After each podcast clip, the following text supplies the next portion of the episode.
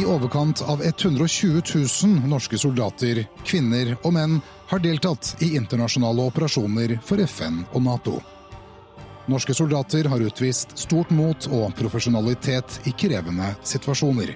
De har tjenestegjort på land, til sjøs og i luften. Noen kom ikke hjem. Andre fikk fysiske eller usynlige skader. Noen få er blitt hedret og æret som krigshelter. Felles for alle er viljen til å yte det lille ekstra for at andre skal få nyte den freden og friheten vi andre tar for gitt. Vi kan ikke tillate oss å glemme dem. De må få fortelle sin historie fra egen munn. Et øyeblikk, en evighet, gir deg norske soldaters mest intense øyeblikk. Øyeblikk som varer en evighet.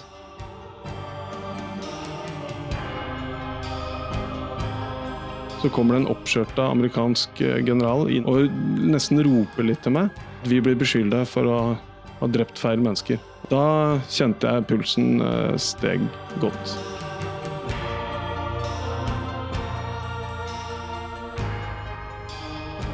Ja, velkommen hit til eh, Et øyeblikk, en evighet, og til bygning 1. De gamle kontorene til Gunnar Sønsteby, hvor vi nå har et lite museum fra hans dager, og fra de som har fått krigskors osv. Med meg i dag så har jeg brigader Eistein Kvarving. Velkommen til deg. Takk for det. Takk for at jeg fikk komme. Veldig fint å være her i disse ærverdige lokalene. Du er jo her fordi du er veteran fra flere deployeringer, både i Afghanistan, Italia av alle steder, og, og, andre steder. Du har vært med lenge, men hvorfor valgte du Forsvaret? Nei, det er et godt spørsmål. Jeg begynte i førstegangstjeneste. Endte opp på Andøya. Hadde det egentlig Fikk utrolig mye ansvar som vernepliktig soldat i våren 1993. Eh, hadde det veldig fint, men så var det Tilfeldighetene ville ha det til at jeg måtte vikariere for adjutanten til stasjonssjefen. Og en av de tingene jeg måtte gjøre, var å lage en sånn stasjonsordre, het det. Og et vedlegg til den var ledige stillinger. Og mens jeg drev og klipte og limte, limte, dette er jo lenge siden, så det var veldig sånn manuelt, vi klipte og limte dette produktet, og som ble kopiert og sendt rundt, så ser jeg plutselig at det er en grenaderstilling, en verva soldatstilling, i Belgia.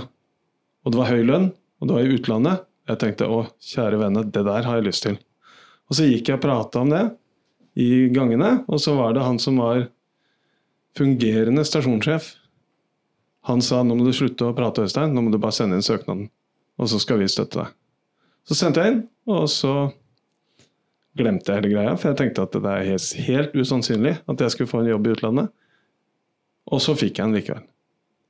Og da begynte du, Det var da, det var da utenlandskimen utenlands, var til? Ja, da begynte utenlandseventyret. Dette, jeg, var, jeg tror jeg var den første grenaderen fra Luftforsvaret som hadde en sånn stabsstilling i utlandet. Jeg fikk beordring fra Forsvarets overkommando, som det het, til Brussel. Og så, kom, så ble jeg henta på flyplassen i Brussel, så kjørte vi vekk fra byen. Så spurte jeg han som kjørte hvor, eh, hva skjer nå? Hvor, hvor, hvor skal vi hen, liksom? Nei, vi skal jo til Shape, der du skal jobbe. Og det er sju mil sør for Brussel. Ok. Så der, allerede da så skjønte jeg at god kommunikasjon er viktig, da. Du visste egentlig ikke hvor du skulle hen, du bare dro? Jeg bare dro. Nei, det sto skriftlig i ordren fra Luftforsvarsstaben at det var Brussel.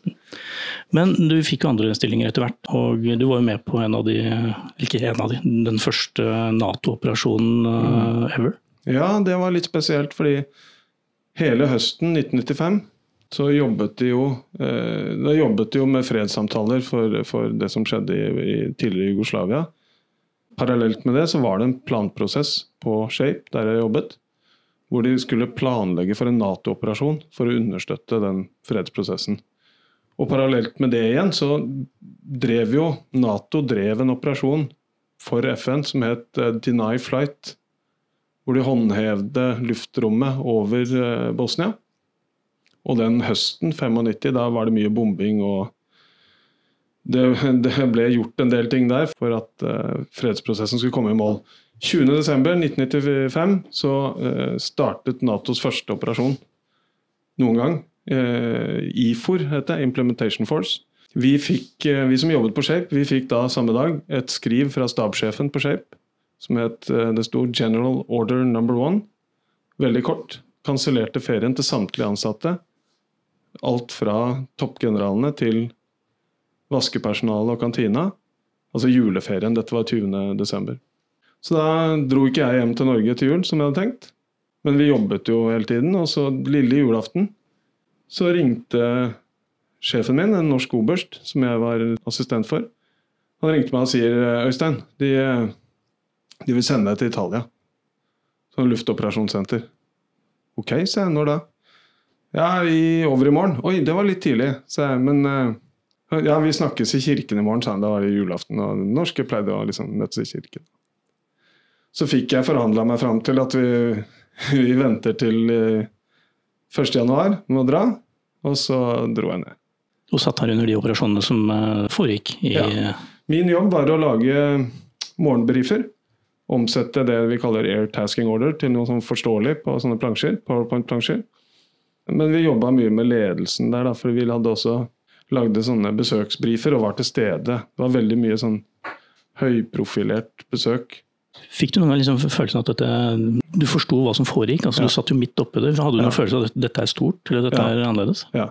Jeg ble godt kjent med Jeg er litt sånn av natur at jeg er litt sånn glad i folk. Og så ble jeg godt kjent med et par av de amerikanske oberstene som var operasjonssjefer der. Så jeg fikk være med inn i operasjonssenteret mens det pågikk operasjoner. og sitte og se på. Det var litt sånn, det var stort, for det, var bare et par konteinere egentlig på, langs flystripa der. Og så hadde vi veldig mye sånn prototyper, og det var veldig mye ressurser tilgjengelig. U2 spionfly, eh, eller overvåkingsfly som vi egentlig sier. Og så var det disse, det som i dag er helt vanlig, sånne droner, sånn Predator overvåkingsdroner. Det hadde ingen brukt før i operasjoner, og det hadde vi der hele tida. Kunne sitte i obs-rommet og se livefeed fra Du var en slags sånn luftpioner. da. jeg, jeg tror ikke jeg var det, men jeg fikk lov til å være til stede og være med på noe som var nytt. Så det, det var ganske spesielt. Og så tror jeg faktisk Jeg er ikke så opptatt av medaljer og sånn, men, men jeg lurer på om jeg kan ha vært en av de første nordmennene som fikk Nato-medaljen. For den ble instituert mens jeg var borte, og så fikk jeg den ganske fort når jeg kom tilbake til Shape. Da. Noen må jo være først også. Ja, ja. Det er gøy. Men uh, du slutta jo ikke der. Du uh, dro til Afghanistan. Ja, i 2010 dro jeg til Afghanistan. Jeg ble bedt om å være helikopterliaison, heter det. Eh, For eh, det var egentlig Forsvarets operative hovedkvarter som hadde en sånn stilling. Og så kjente jeg vel litt han obersten som var sjef for luftdelen av det hovedkvarteret. og Han ba meg om å fylle en sånn stilling. Så jeg dro ned våren, vårparten 2010. Eh, Det var litt sånn parallelt med Jeg skulle være liaison for de norske Medevac-helikoptrene vi hadde i Meymaneh, altså medisinsk evakuering. Og skulle sitte i operasjonsrommet og godkjenne oppdrag for dem. Og parallelt med det så, fikk, så kom amerikanerne med et 60-talls helikoptre, fordi det var en del av den oppbyggingen som skjedde eh, den sommeren. Og Da ble, fikk jeg også en rolle i et sånt helikopterkontor, da, kall det det, som ledet Og det kunne være alt mulig rart fra Det var fra, fra Blackhawk transportkommandokontrollhelikoptre. Det kunne være sånne store Chinook-helikoptre, transport, og det var kamphelikoptre. Jeg hadde 18 sånne Apache kamphelikoptre som kunne både brukes i planlagte operasjoner og yte øyeblikkelig hjelp, om du vil, da, og gi støtte til, eh, til bakkestyrker. For det skjedde jo, vi snakket litt tidligere her, så Ja. fortalte du om den ene incidenten hvor dere måtte bruke Apache-helikoptrene. Vi brukte de Det var mye kamper i hele Nord-Afghanistan. Vi hadde jo ansvar for hele nord. Eh, Vi brukte de nesten hver dag etter hvert. Som regel så var det var en regel at det skulle være våre styrker, altså ISAF som det het, da. Styrker på bakken, og kunne liksom verifisere målet.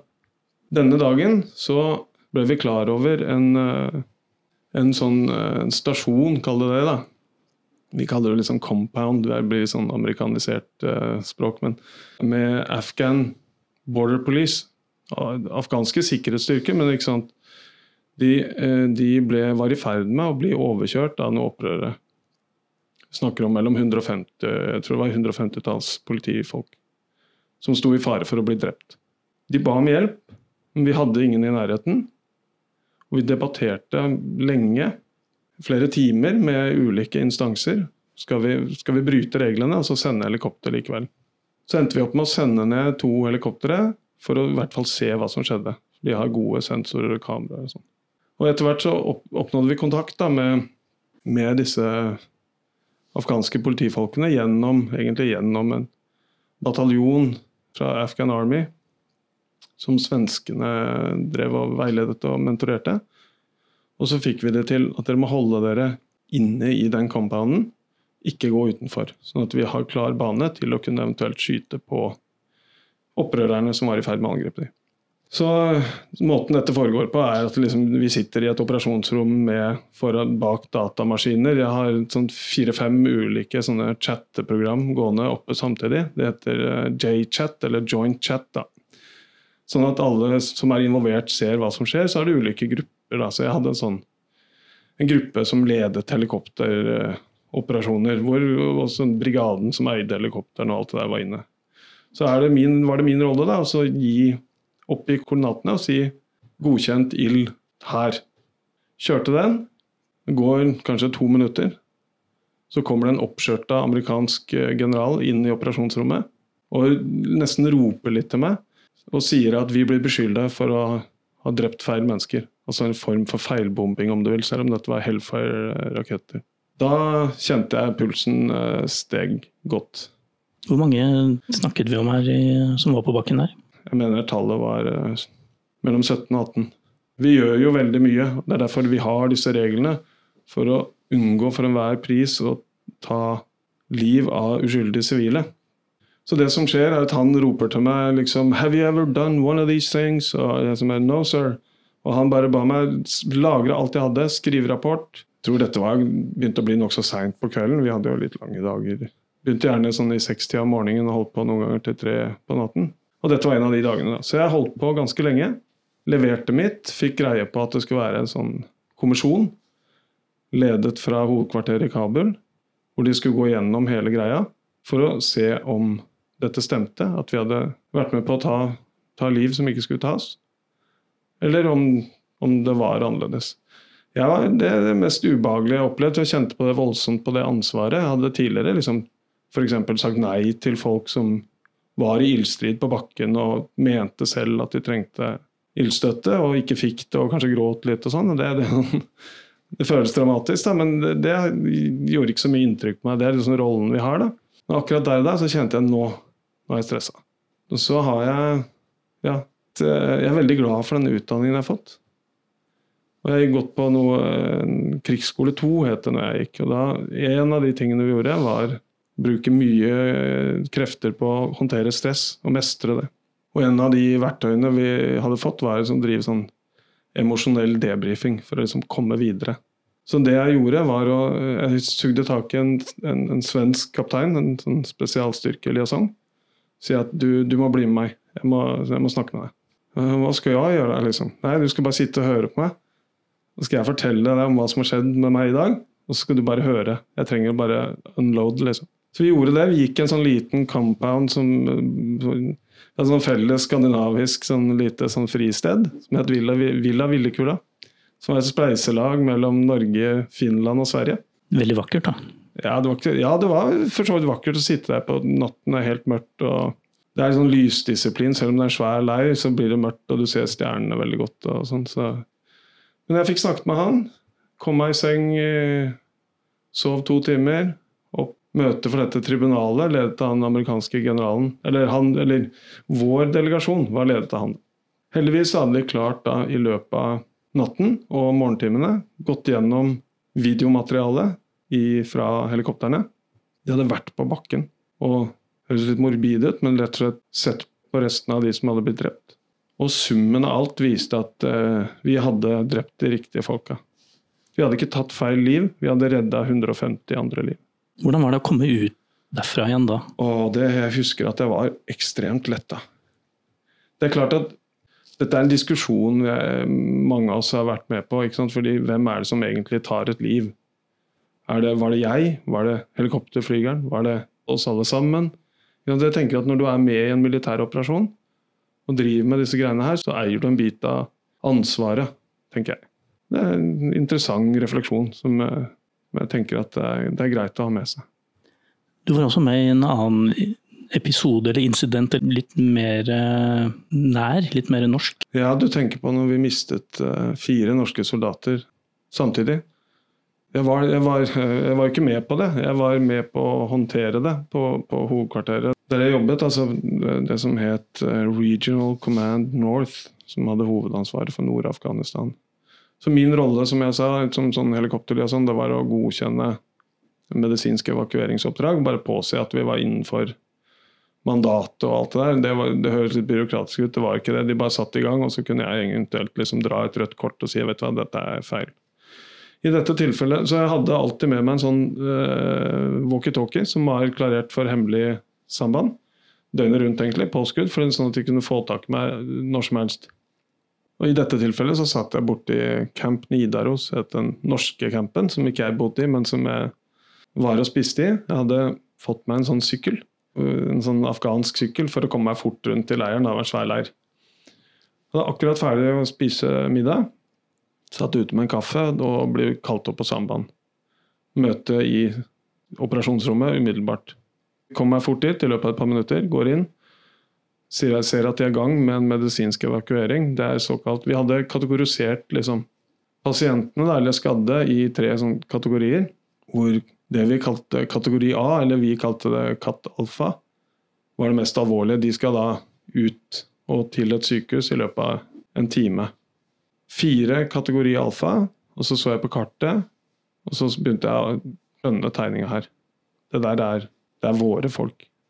Altså Kategori alfa betyr jo hardt skadd. Og så visste jeg også selvfølgelig at ingen blir erklært død før medisinsk personell har gjort det og sett de. Slik at jeg eh, Vi måtte begynne å rearrangere for å være på den sikre siden.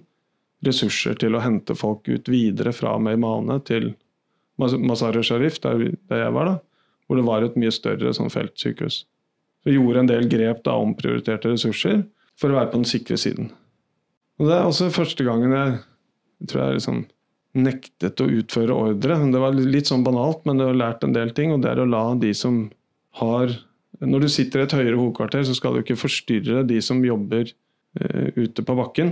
Du skal heller gjøre, altså Jobben din er å gjøre hverdagen deres som du vil, eh, enklest mulig. Og det var en tysk oberst som insisterte på at jeg skulle ringe til operasjonsrommet med Mane og finne ut av mer om hva som hadde skjedd. Og så jeg, spurte jeg han eh, oberst hva, hva skal du med den informasjonen? Nei, han vil bare vite det. Så sa jeg det, da trenger du ikke det, se. Så ble han sint på meg og begynte å stå og rope og litt sånn. Og til slutt så ble jeg så irritert fordi at jeg visste at det var våre. Jeg visste at de jobba hardt i operasjonsrommet i Memane for å komme seg ut og sikre, ta hjem etc. Så jeg bare så jeg reiste meg opp, så han inn i øynene og sa oberst, med all respekt, jeg nekter å gjøre det du sier, og dessuten å be deg gå ut av operasjonsrommet. Umiddelbart. Han gjorde faktisk det. Det var en selsom opplevelse. Og så ble jo de fraktet uh, ut, og uh, ja. Og det gikk jo sin gang? Ja, det gikk sin gang. Og det, jeg husker at det, det, var mye hektisk aktivitet hos oss for å få gjort det vi kunne for å støtte opp under det de, de måtte håndtere i, der de, nede i Marmane. Jeg husker jeg hadde en, en kaptein som jobbet, som jobbet i det derre sanitetselementet som vi hadde i operasjonsrommet. Hun kjente to av disse veldig godt, og skjønte jo etter hvert hvem det var også. Jeg husker jeg ga et sånn litt sånn stille øyeblikk eh, som ga henne en klem. For jeg tror alle var preget som var der nede av den hendelsen da det skjedde. Ja, ja. Jeg synes det Jeg hadde nok ganske god avstand til det selv. Jeg møtte vel disse på en sånn innbrief en gang. Kjenner selvfølgelig flere som kjente de veldig godt, og det er klart at dette gjorde sterkt inntrykk. Det var mange harde kamper i hele Nord-Afghanistan i denne perioden. På hovedkvarteret der jeg var, så hadde vi Vi hadde alltid minnestund for eh, falne. Men vi måtte rett og slett ha, vi måtte ha det bare hver torsdag. Hadde sånn oppsamlingsminnestund. Fordi det falt allierte hver dag. Og du blir nesten litt sånn immun mot det.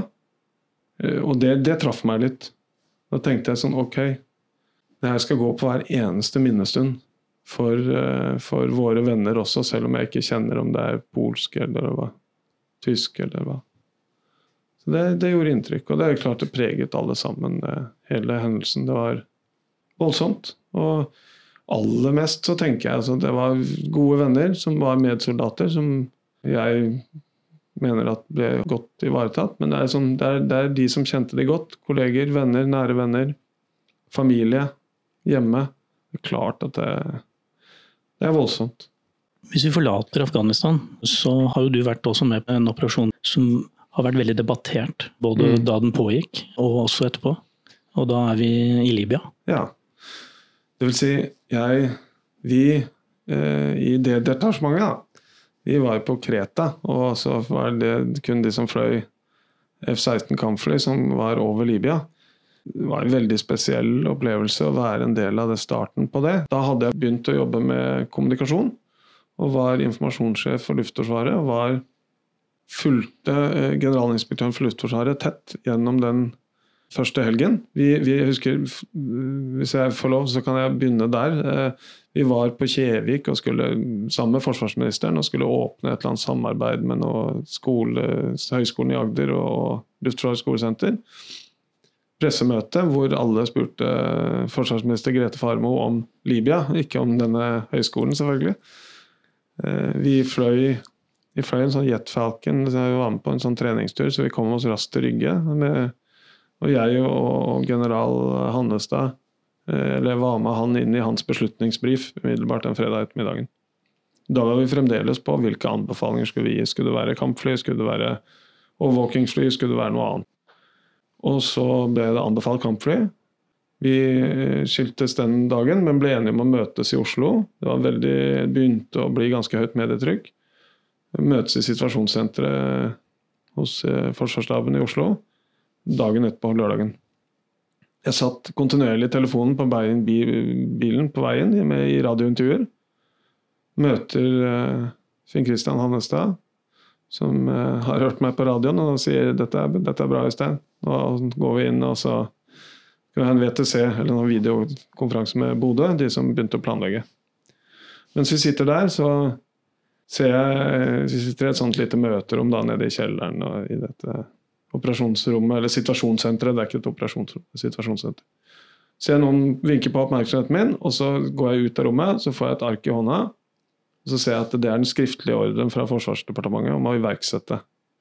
Går jeg inn igjen i rommet, og så legger jeg det foran eh, Finn Kristian Hannestad, som ser på det i Bodø og sier nå har vi fått ordren, nå må vi være klare. Og så var det litt sånn mye fram og tilbake, det var mye fram og tilbake på søndag. og så var litt sånn diskusjon om hvem er det skal sende med til å håndtere media. Og så tenkte jeg liksom at jeg kan sende noen. Så var det noen som var veldig sånn oppsatt på at du, du må jo bare dra sjøl. Det er ikke noe annet som skjer i Luftforsvaret nå. Så sent eh, søndag kveld, sånn i 11-tida, kom jeg hjem. Da har vi akkurat blitt enige om at jeg drar. Jeg skal dra klokka seks dagen etterpå på morgenen. Bare hadde jeg hadde fremdeles, det var ikke lenge siden jeg hadde vært i Afghanistan, så jeg hadde en sånn boks på en sargiskasse der på kontoret, så jeg tok med det jeg mente jeg trengte. Og så dro jeg hjem, vekket begge barna og sa i morgen når dere våkner, så er ikke jeg her. Jeg skal reise ut til en operasjon. Det er ikke noe farlig i det hele tatt. Skal, jeg vet ikke hvor vi skal, for vi visste ikke det at vi skulle til Kreta. Og jeg vet ikke når jeg kommer hjem, men det, dette her går bra. Begge to eh, tok det helt fint. De hadde opplevd at både min ekskone og, og, jeg hadde vært i Afghanistan en periode, to år på rad. Eh, og de, når de skjønte at det gikk bra, så gikk dette sikkert helt fint. Opp om morgenen, av gårde, opp til Bodø, linke opp med resten av detasjementet. Lastet om bord i en Hercules, tok av. Det var litt dårlig vær, så vi skulle egentlig vært nede på Ørlandet og tatt med noen folk, men det gikk ikke.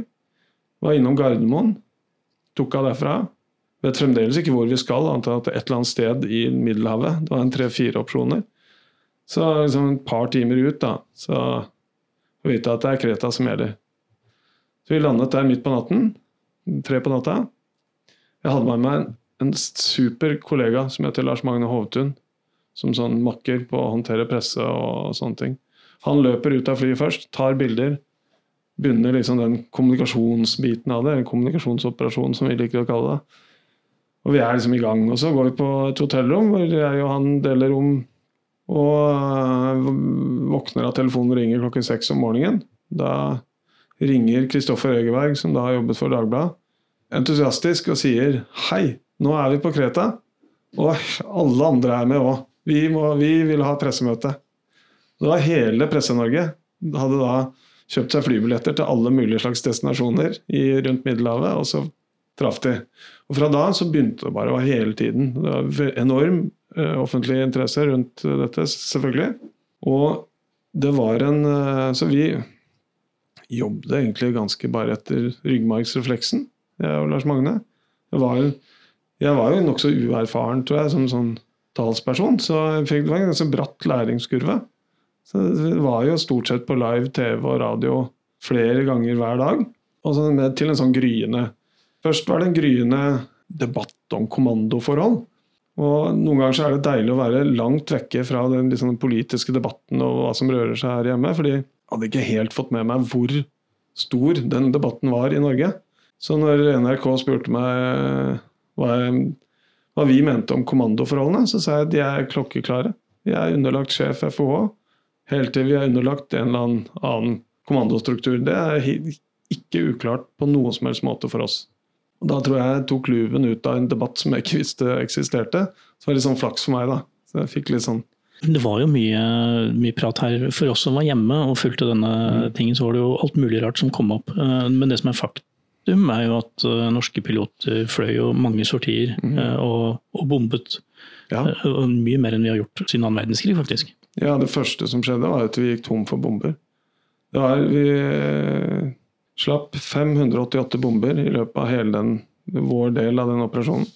Det som var spesielt, var at jeg og, og detasjementssjefen ble veldig sånn hardt pressa på at han, nå måtte han møte media. Altså, dette gikk så fort. Vi var nede der søndag kveld. Så gikk det noen dager, vi må jo klargjøre, og så må vi komme oss inn, på, inn i systemet, sånn at vi får disse air tasking orders og masse greier. da. Og så eh, sa vi at ok, greit, dere kan møte detasjementssjefen, og så visste vi at hvis alt går som det skal, dette var liksom dag tre, så drar vi på første toktet. Det var litt sånn snodig måte å gjøre det på kanskje fra min side, men, eller vår side, men da jeg Kristoffer Egeberg skriver i boken sin at han mener at jeg liksom gjorde dette på en sånn gjennomtenkt måte, slik for å forsikre meg om at norsk medie fikk med seg dette første toktet. Men, og Det kan godt hende at det var det vi tenkte, men jeg er litt sånn usikker på hvor bevisst det egentlig var akkurat det. For meg så var det sånn at media hadde ikke adgang på flybasen, det var gresk flybase, og de liksom bestemte det. Når jeg kom ut, og de liksom ser hvor, hvor er han eh, detasjementssjefen vi skulle møte, og idet det liksom begynner og jeg ser at det her liksom stusser litt, så tar det av to fly rett bak meg. Norske fly. Og da liksom eksploderer det, og kameraer og blitser og alt det der. Og så var det sånn voldsom greie. Så det var en artig, artig grep.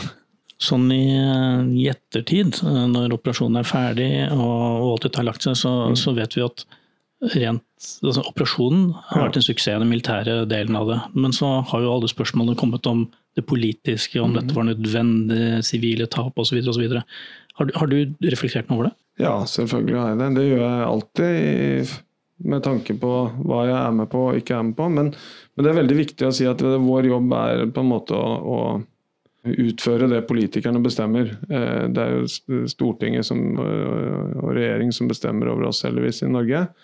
Og så er det et verdivalg selvfølgelig å være soldat, som jeg mener at vi alle er. Det viser nok en gang at militære virkemidler alene løser veldig lite. Vi kan lage et handlingsrom. Vi kan legge til rette for sikkerhet. Vi kan hjelpe å trene andre sånn at de kan ta hånd om sikkerhet. Vi ser både der og Afghanistan, mener jeg, da, at manglende innsats med helt andre virkemidler, ikke bare pek på Norge her, men hele verdenssamfunnet, gjør at vi ikke får noen løsning. Altså, så må man se på beslutningene med den informasjonen man hadde der og da, når beslutningen ble tatt. Jeg opplevde selv eh, som personlig at det er nødvendig å gripe inn. Det er et folkemord som virker nært forestående. Ja, for det var jo veldig mye uro og gryende borgerkrig ja, og med Gaddafi som ja. da slet med den arabiske våren, for å si det sånn. Da. Absolutt. Altså, det var ikke noe tvil liksom, om at, at, det var riktig å bidra. Vi var veldig opptatt av å vise fram hva vi faktisk gjorde. Da. Ganske tidlig, da, etter første bombedropp, så gikk vi ut med video, eller pod-bildene, altså de videoene som er tatt fra flyet. For å vise hva vi faktisk gjorde. Ikke bare det, egentlig, men også for å demonstrere overfor han Mummar Gaddafi at uh, vi mener alvor. Slutt å ta livet av dine egne. Hvis vi forlater den operasjonen også, kommer vi hjem nå. Nå, nå sitter du her og er talsmann for forsvarssjefen. Ja. Og vil vel uh, etter hvert også måtte vise deg mer på TV i forhold til kanskje andre operasjoner. Det vet vi jo ikke. Vil du si at den bakgrunnen du har av alle disse deployeringene og din rolle som veteran er en, er en god ting å ha med seg? Absolutt. Jeg tror at for det første så er det mye lettere å snakke om noe når jeg vet hva jeg snakker om. Jeg, nå vet jeg jo ikke alt, da, men, men, jeg vet ganske mye. Og så har jeg kjent noen ting på kroppen. Eh, det tror jeg er en fordel. Absolutt. Jeg møtte en gang eh, digresjon der, men møtte en gang jeg var på Spy Museum i Washington DC sammen med daværende forsvarssjef. Og så møtte jeg direktøren der mens, mens vi sto og venta på noe. Så spør han meg hva driver du med. Jeg, nei, jeg er talsperson da, for forsvarssjefen. Å, det var gøy, for han hadde vært talsperson for eh, CIA-direktøren. Og han sa det, at de rekrutterte alltid innenfra. Slik at de talspersonene CIA hadde, de visste hva de snakket om. Jeg tenker at jeg er veldig glad fordi Jeg er glad for at jeg, er, eh, at jeg har vært med i operasjoner. Jeg har lært veldig mye. Jeg er ikke glad for alt jeg opplevde, ikke for meg personlig, men jeg er ikke, mer også er jeg ikke glad for at, at det er nødvendig å bruke militærmakt. Men, men eh, opplevelsene tar jeg med meg, og de erfaringene de har lært, da, det er, er, håper jeg selv at jeg bruker på en, en god måte. Men jeg tror absolutt det har En kan ha mye igjen for å være med på militære operasjoner utenlands. Dette er en av mange unike historier om selvoppofrelse og mot fra våre soldater. Her lar vi soldatene selv fortelle om de intense øyeblikkene, akkurat slik de opplevde det. Historier som rett og slett er blitt et øyeblikk, en evighet.